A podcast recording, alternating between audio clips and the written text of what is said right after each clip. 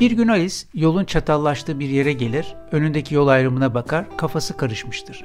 O sırada ağacın birinde bir kedi görür ve ona sorar. Hangi yoldan gideceğim?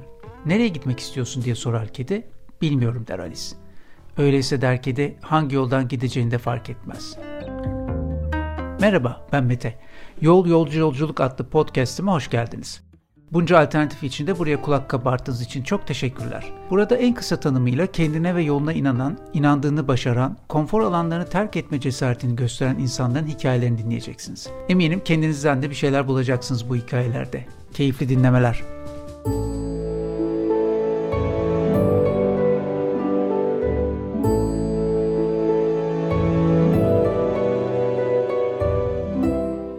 Merhaba, Yol Yolcu Yolculuk'ta bugün Ege'nin karşı kıyısı tanımlaması yapacağım. Ee, Yunanistan'dan Leros'ta yaşayan çok değerli bir Türk yazarımız var. Defne Suman. Onunla biraz sohbetleyeceğiz. Ee, tabii ki çok edebiyat merkezi olmayacak konuşmamız. Çünkü çok daha farklı konular var Defne Hanım'la alakalı. Defne Hanım hoş geldiniz.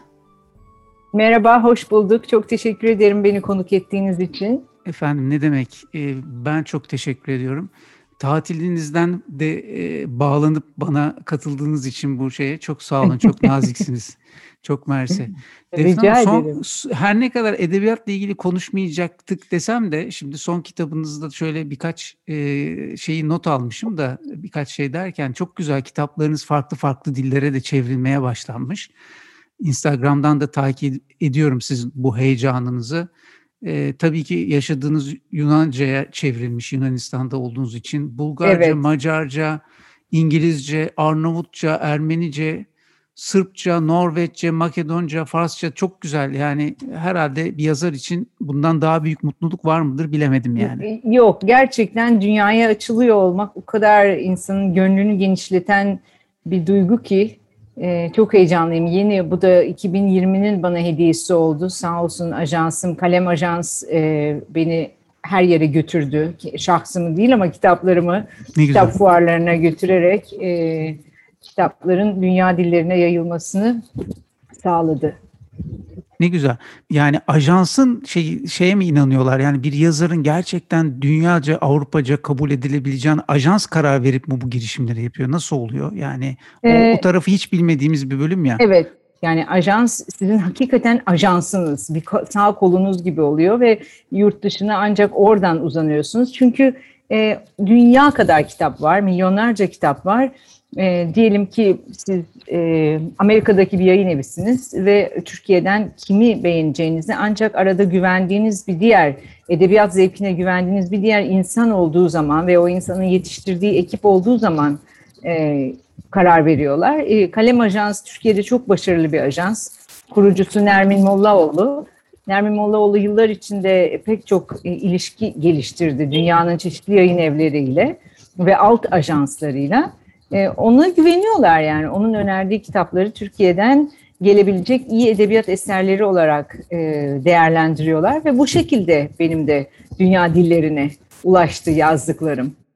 Peki ajansın yazara bir müdahalesi oluyor mu Defne Hanım? Yani ne yazmak istiyorsun veya ne yazıyorsun yönlendirme Hayır. vesaire öyle bir şey yok değil mi? Hangi dilde yazıyorsunuz o ülkede benim için Türkçe yazdığım için Türkiye'de e, yayın evi var. Yayın evinde de bir editörüm var. Editör e, gerçekten bir yazarın sağ kolu yani. Benim editörüm Doğan Kitap'tan Hülya Balcı. Hmm. E, editörün e, yazara eğer yazar açıksa öğreteceği çok şey var. Çünkü elinden çok kitap geçiyor. Haliyle hayatını bir eseri rafine etmeye ve eserin özünü ortaya çıkartacak şekilde eseri yontmaya adamış bir iş yapıyor editörler yoksa sadece virgülünü noktasını düzeltmiyorlar. Bir taraftan da işte bu karakter olmamış, işte burada e, bir boşluk var, burada anlaşılmıyor neden sonuç zinciri kırıldı, burada gerek yok bu ayrıntıyı vermene gibisinden e, bilgileri, müdahaleleri yayın evi yapıyor. E, ajansın öyle bir rolü yok. Ajans hmm. hakikaten temsilciniz sizin yani yurt dışı konsolos gibi bir şey ajans yani benim işte yurt dışındaki temsilcim. Aslında bitmiş bir kitabı sizce verdiğiniz zaman editör açısından o kitap bitmemiş olabilir ve tekrar revize edilmesi gerekebilir. Doğru mu anlamışım? Kesin öyle. Kesin öyle. Yani biz e, bitti diye veriyoruz kitabımızı Ondan sonra editör onu e, işte kendine bir hafta, on gün, iki hafta, bir ay bazen e, bir süre veriyor. O kitabı okuyor baştan sona. Ondan sonra beraber çalışıyoruz. Yani o e, dosyanın üzerinden işaretlemiş oluyor. Burayı silebilir miyiz? İşte bunu anlamadım. Bunun önceki versiyonda böyle bir şey yok muydu? Ve size bir süre veriyor. İşte bunları şimdi ne bileyim bir gecede genelde ee, veya işte bir haftada eğer vaktimiz varsa bir elden geçir bir daha bakalım. E, editörle de bitmiyor. Ondan sonra editör de okumaya çok alışmış olduğu için bir başka insana gidiyor metin. Üçüncü okuyucu. E, o okuyor. Bu sefer o daha düşük cümle var mı, maddi hata var mı onlara bakarak okuyan oluyor. Ve yani bir kitabın ortaya çıkmasını biz zannediyoruz ki yazardan çıkıyor. Oysa ki koca bir ekip arkada bekliyor ve e, eseri oluşturuyor. Evet, bunu da anlattığınız iyi oldu. Gerçekten bilgi olarak kenara not etmiş olduk. Şimdi Defne Hanım sizin e, Boğaziçi Sosyoloji'de bir e, eğitim döneminiz var. Hatta yüksek lisansınız da orada. Araştırma görevlisi olarak da kalmışsınız. Hatta yine bir üniversitede iki senelik sosyal antropoloji ve sosyoloji dersi de vermişsiniz. Evet. Fakat artık doğrudur. iyi ki mi demeliyim bilmiyorum. Nedense o e, tutmamış o hikaye. Güzel olmuş bence şu andan bakınca. O e, sos, o tarafı bırakıp yollara düşüşünüzü biraz anlatır mısınız? Yollar çünkü çok öğretici oluyor, çok değiştirici oluyor. Ee, ben yollara düşmeyi çok küçük yaşımdan beri hayal ediyordum. Yani hiçbir zaman hayalimde işte bir ev kurayım, işte çocuklarım olsun falan bu değil. Hep gideyim gideyim işte dünyayı gezeyim, başka ülkelerde yaşayayım. Bizim bölümde yani Boğaziçi Sosyoloji'de doktora programı olmadığı için olsaydı orada da kalırdım zaten. Olmadığı için hadi yurt dışına mecburen Amerika'ya e, doktora başvurusu. O doktora başvuruları Boğaziçi çok iyi bir okul olduğu için ve hocaları da yurt dışında çok iyi tanındıkları için birçoğumuz yurt dışında kabulü alırdık doktora e, başvurularımızda. Benim de kabulüm benim de başvurum kabul edilmişti. Üstelik burslu güzel UCLA, University of California, Los Angeles hı hı. Sosyal Antropoloji bölümüne. E, çok da tatlı insanlar, çok bekliyoruz seni dört gözle işte 8 senelik burs veriyoruz sana diye böyle müthiş bir teklif. Ama önüme baktığım zaman 8 senemi e, Los Angeles'ta geçireceğim. 8 sene işte e, o zamanlar çok uzun geliyordu 8 sene. Şimdi baktığımızda aslında 8 sene nedir? Ve ondan sonrasını da yani sonrasında bu kadar büyük bir yatırım yaptıktan sonra hayati yatırım, zaman, enerji ve maddi olarak ondan sonra bırakıp gidemem dedim. Yani bunu şu, ya şu anda bırakıp gideceğim ya da hiç bırakıp gidemeyeceğim. Döneceğim, iyi bir üniversiteye gireceğim. Orada işte e, sosyal antropoloji dersleri vermeye başlayacağım. Zaten etrafımdaki herkes bu işi yapıyordu. Yani benim için e, sürpriz sürprizsiz bir hayat olacaktı. Belki olacaktı kendi içinde sürprizleri ama o yaşımda görebileceğim bir sürpriz durumu yoktu. O yüzden o noktada ben e, bursu reddettim. Sonra ne yapacağımı bilemediğim için işte iki sene Yeditepe Üniversitesi'nde öğretim görevlisi olarak çalıştım.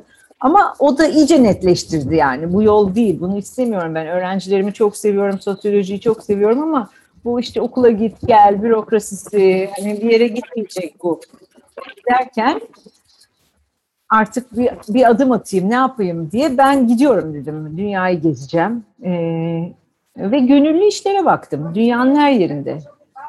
Ee, dünyanın her yerindeki gönüllü iş, işleri internette araştırdım. İnternet vardı az da olsa bir takım internet siteleri vardı ve belki de daha iyiydi yani az ve öz bir e, liste çıktı önüme. Tayland'ı seçtim bunların arasında. Onun da uzun bir neden o. İşte çünkü sosyoloji öğretmemi istiyorlardı. Öbürleri İngilizce öğretmemi isterken bunlar sosyoloji öğretmemi. Yine yani hala aslında bir taraftan aklım orada belli ki. Ve böylece e, Tayland'a çevirdim rotayı. İlk e, beş aylığına gidecektim. Yani anlaşmam öyleydi. Bir dönem ders verecektim işte Ocak'tan Mayıs'a kadar. Fakat sonra orada yoga öğrenmeye başladım. E, oraya yerleşmiş, gittiğim Tayland'daki küçük kente yerleşmiş e, e, bir çiftten Amerikalı ve İtalyan. Bu yoga de... öğrenmeye başladıktan sonra e, Defne Hanım bu kent neresinde? Bu Nong Khai mi? Nasıl okuyor? Nong Khai. Nong Khai. Nong Khai. Ee, e, bu Tayland'ın şey? kuzeydoğusu. Tayland'ın böyle ortasını Bangkok diye düşünün başkenti. Ondan sonra orada Bangkok'tan dümdüz bir çizgi çiziyor, çiziyorsunuz yukarı. Chiang falan bir şeyler. Chiang Mai'ye falan gitmeden onlar böyle daha batıda kalıyorlar. Nong Khai çok daha yakın yani işte gece treniyle bir gecede gidiyorsunuz hmm. şeye Bangkok'tan veya uça uçakla 45 dakikada gidiyorduk. Ee, küçük bir şehir ama şehir yani işte hastanesi var, okulları var hani köyde değil ama köyler var etrafında çok güzel, çok tatlı. Mekong Nehri'nin kıyısında ve e, yani turistlerce, gezginlerce bilinen en önemli kısmı Laos'a e, giden köprünün olduğu kent. Yani hmm. orası Laos sınırı. Oradan bir köprü var Friendship Bridge. Friendship Bridge'den geçtiğin zaman Laos'un başkenti Vientiane'dasın. O yüzden de çok yabancı alan bir kent. Yani hmm. Gezginler, işte Avustralyalılar, Amerikalılar, Batılı gezginler, Japon gezginler e, hep o kentten geçerek Laos'a geliyorlardı ve bu sayede ben bir sürü insanla tanıştım. E, orada yaşadığım için. İşte bizim yoga hocalarım da o kentte yaşamalarının büyük bir e, büyük bir sebebi onlar da çok seviyorlardı Nonka'yı. Hala da oradalar. E, ama bir yandan da çok fazla insanla tanışabiliyorlardı. Yani Batılılar orada gelip bir hafta yoga kursu yapıp yola devam ediyorlardı. Ben de o bir haftalık yoga kursuyla başladım zaten. Ve ne oldu? Bu yoga sizi bir anda nasıl etkiledi? O, o bir Orhan Pamuk'un kitap okudum, hayatım değişti. Benimki bir yoga kursuna gittim ve hayatım değişti. Vay anasını. Tam olarak evet. bu oldu. Evet. Süper. Peki. Şu anda rüzgarın şiddetinden bir an kayboldu ses ama tamam şeyi anladım, tamam. e, duydum. E, hayatınızın değiştirdiğini duydum. Evet. Şey Peki, dedim Orhan Pamuk'un e, bir kitap okudum hayatım, hayatım değişti. Hayatım değişti hikayesindeki evet. gibi ben de bir yoga kursuna gittim ve hayatım değişti. Hiç yoga ile daha öncesinde bir tanışıklığınız vesaire yok değil Hiçbir şey yok. Üstelik e, küçümsüyordum da ben yogayı. Yani yoga diye bir şey olduğunu biliyorum aslında. Sene 2002 e, öncesinde İstanbul'da benim arkadaşlarım e, toplanıp Zeynep Aksoy'u da eve çağırıp ve Zeynep Aksoy'la beraber yoga şalayı kurmuş olan Andrew'yu e, eve çağırıp topluca yoga yapıyorlardı. Ben burun kıvırıyordum. E, gitmiyordum yani. E, onlar işte 10 kişi, 7-8-10 kişi neyse toplanıp toplanıp Andrew ile yoga yaparlarken ben evde oturuyordum.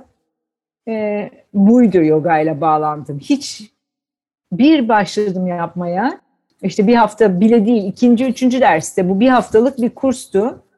İkinci, üçüncü derste en son e, böyle rahatlama pozu Şavasana'da yapar, yatarken tamam dedim yani her şey bunun içinmiş, her şey bu an içinmiş. Bütün yaşadıklarım, çelişkilerim, kararsızlıklarım, çatışmalarım buraya gelmek içinmiş ve bundan sonra burada bu yoga hakkında ne varsa öğrenilecek ben bunu öğrenmeye adıyorum.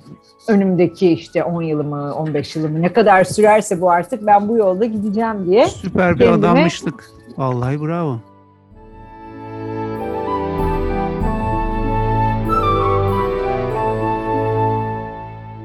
Şöyle bir e, cümle çıkarmışım sizin söylemenizden. Demişsiniz ki yoga sayesinde çok yer gördüm ama esas keşfim iç dünyamın derin bazen karanlık köşeleri oldu. Ee, yani ben ben de yani şöyle 2005 miydi? Ben de öyle bir yogaya ya başlamıştım yani. Ee, safra kesemdeki taşı oynatmış. Hı. Ben bir akşam yani üçüncü ay falan bir gün ölüyorum zannettim. Ve bu safra kesesinin e, ağrısı kalp krizi gibi vurulmuş. Sırttan vuruyor. Hı. Ne olduğunu anlamadım. Doktora gittim falan filan baktılar. 28 milim çapında taş çıktı. Doktor dedi ki senin haberin var mı? Nereden olsun hiçbir şey yok. Ve ben nedense o ameliyatı da olduktan sonra işte nekaat dönemi falan filan derken böyle bir mesafe girdi araya. İyice hiç aslında o dönem öyle çok da fazla bir bu zamanki gibi bir yığılma da yoktu. Sonra da bu son 3-5 senedir gördüklerimden dolayı müthiş bir ön yargı ve şeyle çünkü herkes yoga yapmak zorundaymış gibi bir şey. Yani her Instagram'da sürekli bir şey var. Herkes gülümsüyor. Herkes şükür içinde falan ya böyle bir yapmacık dünya varmış gibi hissediyorum ama anlıyorum çok iyi anlıyorum. E, bana bu ön yargılarımı da kıracak bir şeyler de söylemenizi de çok istiyorum sohbet esnasında. Evet. Tamam. Elimden geleni yapayım. e, bu iç dünya e, yani İç dünyam bilmiyorum. Herkesin çocukluğu öyle midir? Bana öyle geliyor. Çünkü neyse çocukluğu e, çocukken birbirimizle çocukluğumuzu konuşamıyoruz tabii ama nereden öğreniyoruz birbirimizin çocukluğunu? İşte edebiyat eserlerinden öğreniyoruz ço- çoğunlukla. Sanki aslında hepimiz çocukluğumuzu aynı yaşamışız gibi e, içe bakarak yaşıyoruz. E, yogada benim kavuştuğum yer tekrar orasıydı. Yani bir eve dönüştü, çocukluğuma dönüştü. Nasıl e, içimize bakarak içer içeride anlamlandıramıyoruz tabii o sırada içeride ne olduğunu çocuk olduğumuz için. Ama yetişkin olarak şimdi hem içeriye bakabiliyoruz e, mesafe alabiliyoruz yani bir başkasıymış gibi. Hem de on, ondan sonra o duygularımızı içinden geçtiğimiz şeyleri tepki vermeden anlamlandırmaya başlıyoruz ve belki de izlerini sürerek ha bu aslında tıpkı annem gibi bir tepki, bu tıpkı babam gibi bir tepki. Ben bunu herhalde işte okuldaki öğretmenim bana zamanında böyle dediği için ben otomatik hı hı. bu tepkiyi geliştirdim ama hani aslında kökü yok bunun. Şimdi bugüne uyarladığımızda anlamsız bir tepki bu gibi ee, hem kendi iç dünyanı keşfetmeye başlıyorsun o sessizlik anında hem de tepkilerini yani aslında ilişkilerini yeniden düzenlemeye başlıyorsun insanlarla. Çünkü ilişkilerimiz hep kalıp tepkilerden oluşuyor. Kalıp tepki derken ne diyorum? Yani alışmışız. İşte anneme hep o tepkiyi veriyorum. Annem bana üşüyeceksin hır, hırka al sırtına dediği zaman hep of anne diyorum. Niye? Çünkü benim işte e, işte onu düşünüyorsun yogada. Niye bunu diyorum? Çünkü hani benim e, otonom varlığıma saygı göstermiyor. Ben üşürsem kendim hırka, hırkamı alırım. Bunu düşünemiyor mu? Bu bir ergen tepkisi aslında. Ama ben üzerinde düşünmediğim için ergen tepkimi götürüp 30 yaşıma, 40 yaşıma taşıyorum. Orada geriye sarıp evet soğuksa alayım, soğuk değilse almayayım. Yani eski ilişki e, bağlarının artık e, son kullanma tarihi geçmişse onları koparıp yerine yeni bağlar yani aynı insandan bahsediyorum ama yerine yeni taze bağlar kurmayı e, kurmaya bir araç yoga. Bu da işte iç, iç dünyaya bakarak oluyor. İç dünya dediğimiz şey e, belki işte seni de o rahatsız eder Instagram şeylerinde çok e, narsist, egoist bir yere gitmekten bahsetmiyoruz. Çünkü buraya da gidebilir insan yogayla ve e, bizi rahatsız eden Instagram'daki ilanları gördüğümüz zaman bizi çok rahatsız eden şeylerden bir tanesi narsizm. Yoga ile narsizmin örtüşemeyeceğini için için biliyoruz. Mistik herhangi bir yolla narsizmin ters düştüğünü, eğer narsizmini, egoyu e, güçlendiren bir şekilde kullanılıyorsa bir mistik yolun, bu da bir yanlışlık olduğunu hepimiz için için biliyoruz. DNA'mıza kayıtlı gibi bir şey bile söyleyebilirim bunu biliyor bilişimiz. Ee, ve o yüzden rahatsız oluyoruz. Siz tabii e, edebiyatçı olunca benim e, serzenişimi çok daha güzel kelimelerle dile getirmiş oldunuz. E, şey de merak ettim şimdi. E, yazdığınız kitaplarda hiç yogalı bir tema var mı? Yoga temalı bir hikaye, e, roman. E, şimdi benim iki tane romanlarda yok. iki tane edebiyat dışı eserim var. Mavi Orman ve İnsanlık Hali. Onlar tabii benim yoga serüvenimi anlatıyorlar. Başlayışımı, işte hoca oluşumu, e, acılar ve kayıplar karşısında yogayı e, yoganın bana nasıl yardımcı olduğunu, e, Mavi Orman ve insanlık halinde özellikle insanlık hali, babamın kaybı, eşimin hastalığının ilerlemesi gibi e, böyle hayatın karşımıza çıkardığı kaçınılmaz kayıpları, kayıplar karşısında yogayla nasıl e, baş etmeye çalıştım. Yani yoga aracılığıyla nasıl baş etmeye çalıştığımı anlatmaya gayret ettim. Ve hocalık, tek başına zaten hocalık da başlı başına o kadar zor bir iş ki yani benimki bizimki gibi shadow yoga sisteminde hoca olduğumuz zaman e, devamlı olarak işte bir hocamız var ve ona saygımız yük, çok büyük ama bir yandan da çok yüksek bir kontrol mekanizmasının içindeyiz. Yani kafamıza göre alıp başımızı gidemeyiz. Yoganın geleneğine sonuna kadar saygı göstermek zorundayız. Neyi nerede ne kadar söyleyeceğimizi ölçmek, tartmak zorundayız. E, hangi öğrenciyi alıp hangi öğrenciyi sınıftan kovacağımıza karar vermek zorundayız. Çünkü hani yoga herkese öğretilmemeli gibi bir e, bir yerden geliyor ki doğru yani hak edene vereceksin. Hak etmek parasını derken, verene değil yani. Parasını verene değil tam olarak hak edene vermek gerekiyor. Hak etmek demek zamanını ayırabilmek. Gününü ona göre ayarlayabilmek. Bir hocadan bir hocaya sıçramak yerine ben onlara shopper diyorum yani alışverişçi. Bir hocadan bir hocaya sıçrayıp hadi o, o eğitimi de deneyeyim, bunu da deneyeyim diyen, diyenleri e, eleyebilmek, onları ayıklayabilmek. Bunların arasında hakikaten e, gönül vermiş insana e, öğretiyi sunmak, belki ilk yılda bütün sırları hemen ortaya dökmemek, ikinci, üçüncü senede e, acaba hakikaten hak ediyor mu diye baktıktan sonra yani bütün bunların bunları ayıklayabilmek, öğrencilerle kimi zaman bu yüzden kavga etmek. E, o kadar yani. Kavga tabii yani benim artık sen ben senin hocan değilim sen benim dersime gelme artık dediğim birkaç kişim oldu maalesef ve çok zor bir şey yani benim için bunu söylemek zor. Üzülen kişinin karşısında dik durabilmek çok zor. Hemen yumuşamak istiyorum. Tamam ya boş ver gel gel demek istiyorum ama dememem dememeliyim onu da biliyorum. Ee, onun içinde benim için de diğer öğrenci sınıf, sınıftaki diğer öğrenciler için de bunlar çok önemli. Ee, bütün bunların içinden geçerek hocalık etmek başlı başına bir e, zorluk, azap diyecektim ama demeyeceğim azap. Çünkü çok zevkli tarafları var, müthiş haz veren tarafları da var. Ama azaplı tarafları da var. İşte benim hocamın karşısında kendi duruşumu sürekli kontrol ediyor olmam. E, öğrencilerin benim karşısındaki duruşlarını kontrol ediyor olmam, öğrencilerin kendi aralarındaki ilişkilerini kontrol ediyor olmam. Yani büyük kıskançlıklar. Çünkü ben öyle stüdyoda ders vermiyorum. Hani önüme gelen hadi dersi gelsin size biraz hareket ettireyim, biraz gevşeyin değil ki. Bir grubu alıyorum, onları 7 sene, 8 sene yetiştiriyorum. Ve o grup o 7 sene 8 sene içinde hep beraberler, birlikte büyüyorlar. Lise öğrencisi gibi oluyorlar. E, o yüzden kendi içlerinde kıskançlıklar, hasetler oluyor. E, bazen Allah aşklar oluyor. E, bütün bunlar bütün komüniteyi etkiliyor. İşte onlar 30 kişilerse 30 kişinin kendi arasındaki ilişkiler etkileniyor. Defne Hanım ee, buradan roman çıkmaz mı yahu? Yani o kadar çok hayatımı böyle ikiye böldüm ve ikisini birbirine karıştırmamaya çalışıyorum ki çünkü hmm. zaten çok büyük bir enerji ve vakit e, öğrencilere gidiyor. İşte onların hem yetiştirmek, e-maillerine cevap vermek, e, işte özel dertleri olduğunda onlarla sohbet etmek bunlar zaten çok vaktimi alıyor. O yüzden kurmaca kurmacada kalsın ve yogadan uzak kalsın istiyorum. O yüzden sorunun başına döndüğümüz zaman e, yogalı romanım var mı? Yok çünkü e, yogalı hayatımın diğer yarısı var. O yüzden kurmacaya gittiğim, girdiğim zaman yoga yapan karakterler oluyor. Mesela kahvaltı sofrasında Fikret diye bir karakter var. Evet, o yogacı evet. Hmm. ve dalga geçiyor aile sürekli Fikret'in. Çünkü o da kırkından sonra yogaya merak salmış bir erkek e, ve bu zavallı kırkından sonra yogaya merak salan erkeklerle müthiş dalga geçiliyor. Hiç desteklenmiyorlar. Ben o yüzden zaman zaman e, erkeklere yüzde elli indirim yapıyorum e, kurslarımda. Gelsin.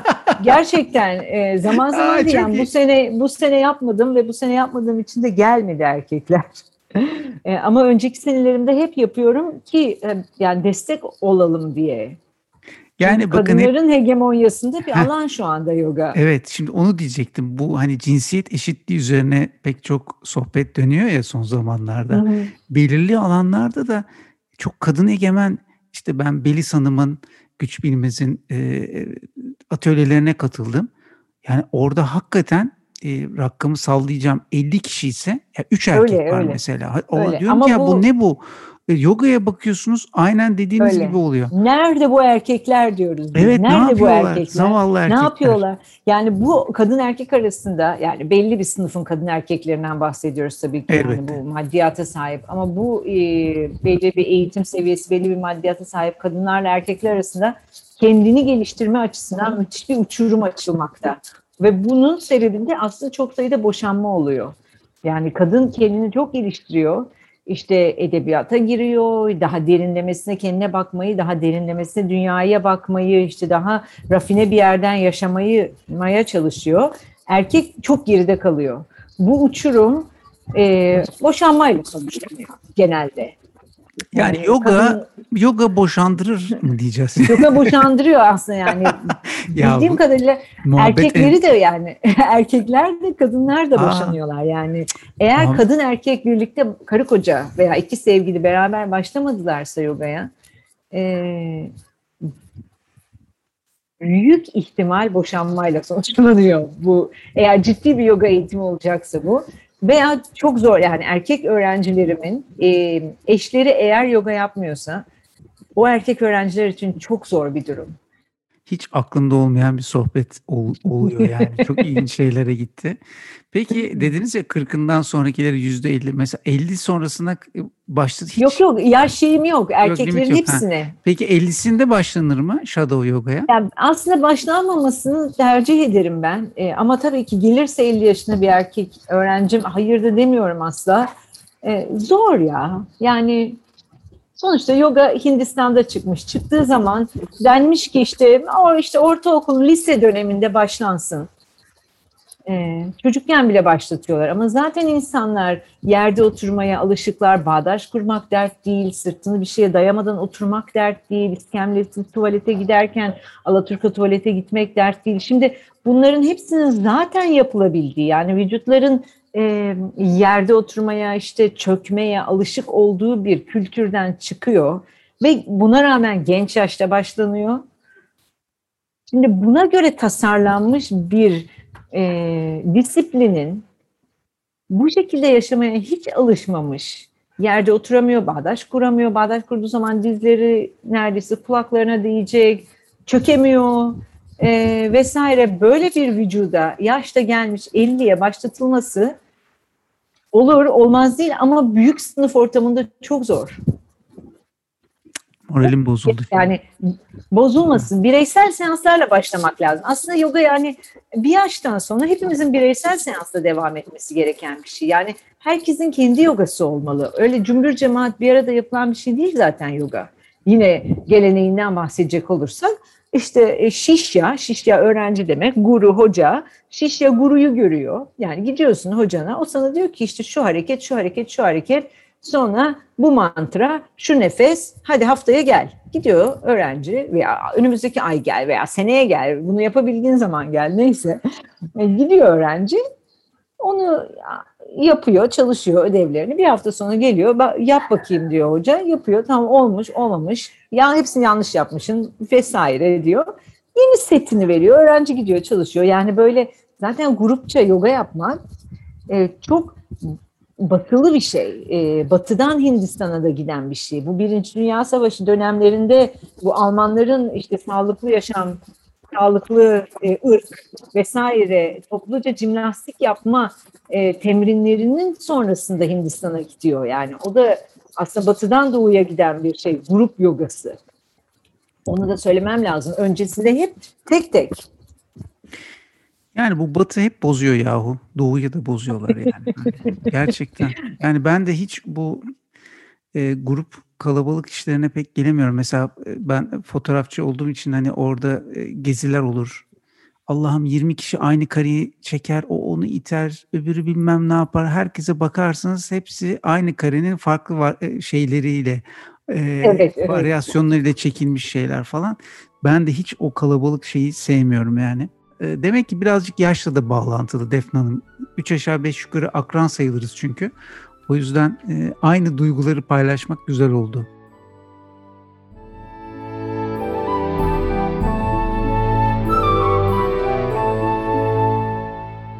Ee, şey bu sizin yine hani yollarda geçen dedik ya bir hayatta hani İstanbul, Atina, Portland, Oregon'da gidip gelen bir hikaye varken hı hı. e şimdi ne oldu? Bir anda pandemi geldi. Hayatımıza bir anda frenledik.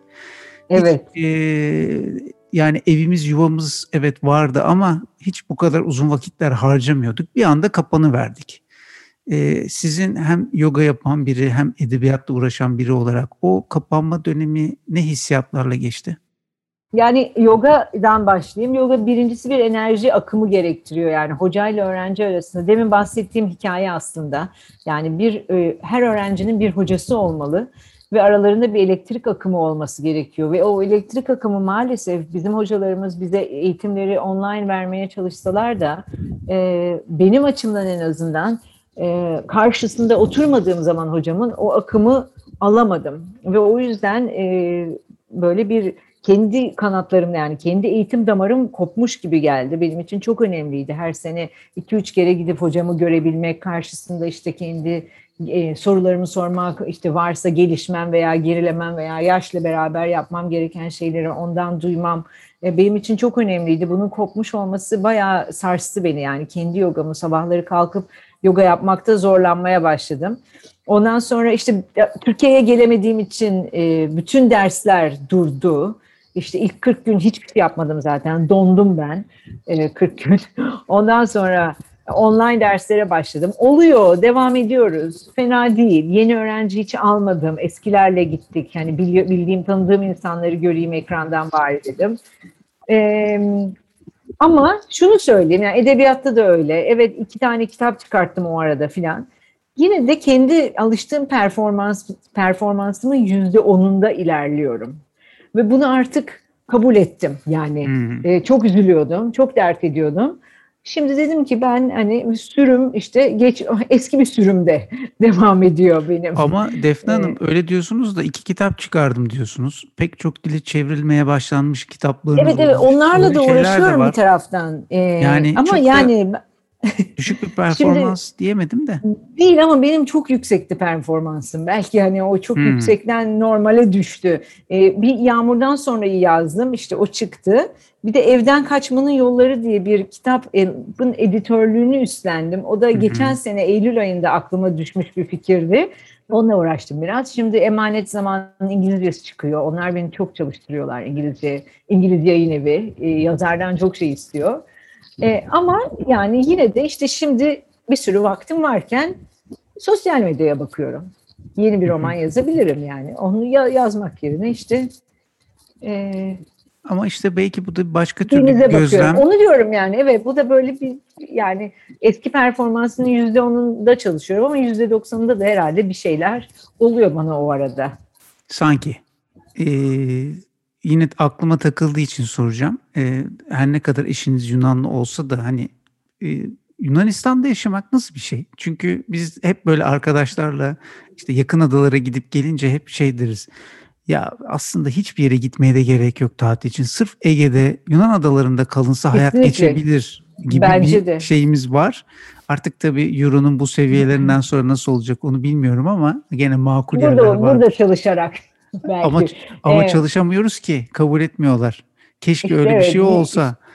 Ee, Yunanistan'da yaşamak nasıldır? Atina'da yaşamak nasıldır? Atina'da yaşamak İstanbul'da yaşamak gibi yani daha daha rahat, daha özgür tabii ki yani fikir özgürlüğü, düşünce özgürlüğü, ne söyleyeceğim diye düşünmeden rahatça veya başıma bir şey gelirse polise gidersem işte rahat rahat işlerimi görürüm yani korkusuz bir yaşam bir taraftan. Ee, bir taraftan da aynı İstanbul gibi aslında yani yine insanlar aynı, kafeler aynı. Hı hı. Ama sonuçta nerede yaşarsanız yaşayın, bir adaya da yerleşseniz olsanız nihayetinde bir gününüzü nasıl geçirdiğinizi içinde bulunduğunuz yer değil, ne işle iştigal ettiğiniz belirliyor. O yüzden ben işte Portland'daki yıllarımda da, Tayland'da da, burada da, Leros'ta da, Atina'da, İstanbul'da da görüyorum ki sonuçta hayat her yerde aynı. Çünkü nereye evet. gidersek gidelim kendimizi götürüyoruz. Evet, çok güzel söylediniz. Doğru. Yani bir kaçış yok. Şimdi biz de e, Ağustos ayında İstanbul'dan çıktık. Mudanya'ya taşındık. Bursa Aa, Mudanya. Güzel. Evet. E, güzel ama yani Mudanya'nın 5 sene önceki hali olsa güzel. Yani burası da hmm. bir beton yığını. Aynı Gemlik'teki gibi bir kötü mimariyle devam ediyor maalesef. Onu fark ettim ya kaçmak istedikçe kaçamıyorsunuz. Yani İstanbul'un o tozu, pisliği, inşaat gürültüsünden kaçalım. Yani inşaat kaçamadığım gibi şu anda benim baktığım yerde şu anda bir inşaat var. Kava inşaatı devam ediyor. Maalesef Türkiye öyle. Türkiye'de nereye kaçacaksın? Yani Yunanistan'ın öyle bir güzelliği var. İnşaat yok. İnşaat yapamıyorsunuz. Atina'ya beş katın üzerine çıkamıyorsunuz Harikulade. mesela. Adalarda çok sıkı yani. Şimdi bunlar müthiş insanın gönlünü genişleten. Bir yere Atina'ya baktığım zaman Atina bitiyor. Biten bir şehir o kadar kıymetli ki. Yani şehrin bittiği bir yer var ve orman başlıyor ondan sonra. İşte hmm. dağ başlıyor ve orada gece kondular yok. Orada böyle filizleri kalmış, e, yarım kalmış betonarme binalar görmüyorsunuz ve bunun yarattığı müthiş gittiğiniz, gittiğiniz zaman geyik var hala, tavşan var. Onlar kaplumbağalar yürüyor ve bu yani sadece e, yarım saat arabayla yarım saat gittiğiniz zaman böyle bir güzel yere varıyorsunuz. E, bu açıdan evet kaça, kaç, kaçmak ne demek evden kaçmak ama e, e, şehirden uzaklaşmak istediğiniz zaman gidebileceğiniz yerlerin olması büyük bir nimet. Onu e, Evet. Kesinlikle. Yani bir de bizim artık son dönem bu hayata müdahil gibi bir pozisyona da geldiği için bazı konular e, yani böyle bir darlanma insanlarda bir Hı-hı. derin memnuniyetsizlik e, şey gibi ne diyeyim size e, tuzsuz bibersiz e, yağsız bir yemek yiyormuş gibi yani karnınız doyuyor belki ama ağzınızda bıraktığı bir lezzet yok yani. Evet ama durum. bunu herkes söylüyor şu özellikle Covid sonrasında ama bence zaten 20, 21. yüzyılın bize hediyesi kötü anlamda buydu. Yani hmm. bir anlamsızlık çünkü hani biz çok şeyi anlamış ve görmüş ve insanlığın e, yenilgisine tanık olmuş bir kuşak olarak e, girdik bu hayata. Şimdi biz de orta yaşa girerken ve bizden sonraki kuşak bizden de daha ümitsiz bir yere doğmuş olduğu için e, hepimiz bir anlamsızlık krizindeyiz ve bunu ben global bir şey olarak görüyorum. E, tek tek gidin Amerikalılarla konuşun. Bunun Amerika'dan kaynaklandığını zannediyorlar. Türkiye'ye gidiyoruz bunun Türkiye'nin koşullarından kaynaklandığını zannediyoruz. Aslında ülkelerin siyasi koşulları da e, hemen hemen benziyor. Bütün ülkeler birbirleriyle benzer bir e, opresyon rejimi içindeler. Yani Öyle. geleceğimiz bu operasyon, opresyon rejimleri ve bu artık hani bence siyaset biliminin bize söylediği de bir şey. Hani demokrasinin sonu nasıl imparatorluklardan sonra demokrasi, demokrasiden sonra da yeni bir e, güç iktidar biçimi oluşmakta şu anda. Biz oluşumun içindeyiz. Ama hala eskisinin doğru olduğuna ve eskisinin bir gün geri geleceğine inanıyoruz. Ve bu da anlamsızlık krizimizi arttırıyor. Çok. Evet yani bireysel olarak hani her ne kadar ona bizi romantik bir duygu olarak inandırmaya çalışıyorlar ya bir kişi dahi çok önemli diye. Belki öyle bilmiyorum ama bu dediğiniz örnekten de hareketle hakikaten şimdi ben suyu çok dikkatli kullanıyorum dediğiniz gibi. Hı-hı. Kağıt israf etmiyorum onu evet tamam ama şimdi yani ne bileyim yani büyük şirketlerden bir tanesi benim gibi 200 bin kişinin harcadığını harcıyor. Şimdi nasıl evet, olacak evet. dengesi yani bu? Çok zor. Evet. Yani onu çok zor veya zor iş. Çok zor. Klima bizim klima çalışıyor tabii çok sıcak olduğu için ev. E, fakat klimanın borusunu bağlamamışlar gidere. O yüzden bidona akıyor. Hı hı hı. Bir gün içinde 10 litre su çıkıyor klimadan. Hani ben onun çiçekleri falan suluyorum ama her klimanın her gün çalıştığını düşünürsek bu kadar su kanalizasyona akıp gidiyor mesela. Bu temiz su. Havadan alınan nem aslında bu. Evet, evet. Aynen. Yani en basitinden hani bunu biz nasıl kullanmıyoruz dünya susuz kalıyor derken vesaire. Çok doğru. Böyle şeyler. Yani bakın nereden girdik, nereden çıktık görüyor musunuz? Evet. Sohbetin böyle bir güzelliği var işte. Nasıl diyeyim? Bu yol yolda öğrendiklerimizin birilerine feyz olabilmesi adına e, neler dersiniz diye söyleyeceğim. Hani e, yolda olmak, yola gitmek, yola çıkmak, buna cesaret göstermek ve E, ikna olduğumuz bir şeye tutunmak ve bunun için çabalamak. Hani sizin işte edebiyat olsun, yoga olsun. Yani bu örnekleri genelleyerek e, daha gençlere sizi işte takip edenler için de olabilir. Neler söyleyebiliriz toplu, toparlama babında?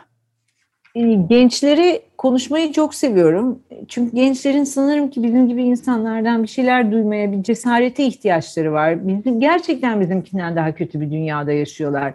Her açıdan yani eğlence sektöründen tutun da işte e, tatile gidecekleri yerlere kadar e, çok daha fakir bir dünyada yaşıyorlar. Hı hı. E, o yüzden onları cesaretlendirici şeyler söylemek istiyorum. Özellikle Türkiye'de yaşayanlara bir an önce çıkıp dünyayı gezmelerini. Yani dünya çok büyük. Türklerin böyle Amerikalılara benzer bir Türkiye'den çıkma fobisi var. Hı hı. Sanki e, bir, birazcık böyle Avrupa'ya vizeyle girme korkusundan ama aslında Türkiye'den vize istemeyen dünya kadar ülke var dünyada. Doğuya gitmek lazım. İşte bir, Tayland onlardan bir tanesi ondan sonra veya kolayca vize alabilecekleri Laos. E, hiç adını bilmediğiniz ülkeler. Yani aslında dünyada e, çok sayıda gezen genç var. Bir kere çıkıp bu gezgin kafilesine katıldıktan sonra görüyorsunuz ki korkacak hiçbir şey yok aslında.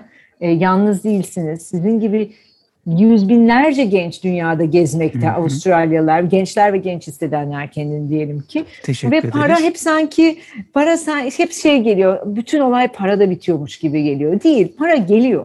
Yani herkesin yapacak işte e, dünya halklarına sunacak bir becerisi var. Özellikle belli bir eğitim seviyesinin üzerine geçildiyse, bir tane yabancı dil öğrenildiyse, en basitinden bu yabancı dili başka bir ülkedeki çocuklara öğretmek işi yani bu gönüllü işler bile bir çıkış kapısı. Ben böyle gittim. İngilizce öğreteceğim diye gittim ve sosyoloji öğretmeye başladım. Ne güzel. E, elma toplayıcılığı var. Bir sürü hı hı. E, Alman gidiyor tarlalarda elma topluyorlar. Tayland'da böyle yaşıyorlar mesela. E, biz Türkiye'de böyle hep bir kalıp bir yola girmek lazım. O yola şimdi giremezsem hiç giremeyeceğim. Böyle bir şey yok. Aksine giriyoruz, girmezseniz o yola, e, girilmeyen yola gir, girerseniz ve o yolda ilerleyip günü geldiğinde Türkiye'ye dönerseniz görüyorsunuz ki aslında kalmış olanlara göre fersah fersah öndesiniz ve çok daha kolay iş bulabiliyorsunuz. Bulmak değil hatta kendi işinizi kurabiliyorsunuz. Çünkü e, gönülden gelen bir istekle yapıyorsunuz. E, bu şey işte erkekler için bir an önce işe gireceğim, iş kurmalıyım. Kadınlar için işte kısa sürede evleneyim, işte çocuğum olsun bilmem ne.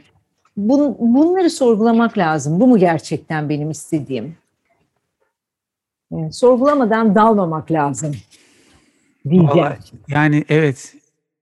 Efna Hanım çok teşekkür ediyorum. Kendi adım, ben çok teşekkür ediyorum. İstediğim gibi bir edebiyatçıyla edebiyat dışı bambaşka konulardan konuşmak. Yani o görünen klişe görüntüden farklı bir şeyler konuşuyor olmak beni çok mutlu etti. Ben teşekkür ediyorum. Görüşmek üzere.